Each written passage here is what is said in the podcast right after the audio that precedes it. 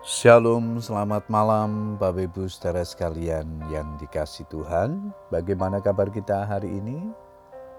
Doa saya kita semua selalu sehat dalam perlindungan Tuhan. Malam hari ini kembali kita diberikan kesempatan untuk datang berdoa kepada Tuhan. Namun sebelum berdoa saya akan membagikan firman Tuhan yang malam ini diberikan tema apakah yang saudara cari? Ayat mas kita di dalam Mazmur 14 ayat yang kedua firman Tuhan berkata demikian. Tuhan memandang ke bawah dari surga kepada anak-anak manusia untuk melihat apakah ada yang berakal budi dan yang mencari Allah. Bapak Ibu saudara sekalian, banyak perkara-perkara dicari oleh manusia di dalam dunia ini. Apa yang dicari itulah yang dianggap sangat menentukan kebahagiaan hidupnya. Ada banyak orang menginginkan hidup yang berbahagia, namun justru kekecewaan dan kegagalan yang mereka alami. Mengapa? Karena mereka mencari sesuatu yang salah, mencari hal-hal yang bersumber dari dunia ini bukan dari Tuhan. Ada pula orang-orang yang berusaha mencari segala hal dengan mengandalkan kekuatan sendiri, yang pada ujungnya mereka akan kecewa.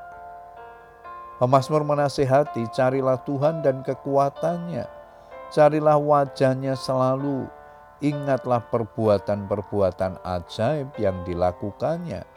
Mazmur 105 ayat yang keempat dan kelima. Alkitab menyatakan bahwa bila kita mencari Tuhan terlebih dahulu dan kebenarannya, maka semuanya akan ditambahkan dalam hidup kita. Tuhan Yesus bertanya, "Apakah yang kamu cari?"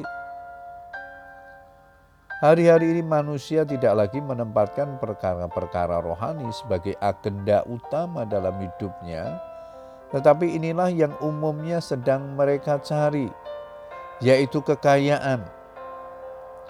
Materi dunia telah menyilaukan mata banyak orang, sehingga mereka mudah sekali tergiur dengan iming-iming iblis yang menawarkan kekayaan secara instan. Karenanya mereka rela menempuh cara apa pun demi menempatkan apa yang dia cari, meskipun cara yang ditempuhnya itu tidak halal melanggar hukum dan bertentangan dengan firman Tuhan. Tragisnya lagi, tidak sedikit dari mereka yang terlibat dalam kuasa kegelapan. Mereka tidak sadar bahwa mereka sedang dituntun iblis menuju kepada kebinasaan. Hal lain yang dicari-cari oleh manusia adalah kesenangan daging.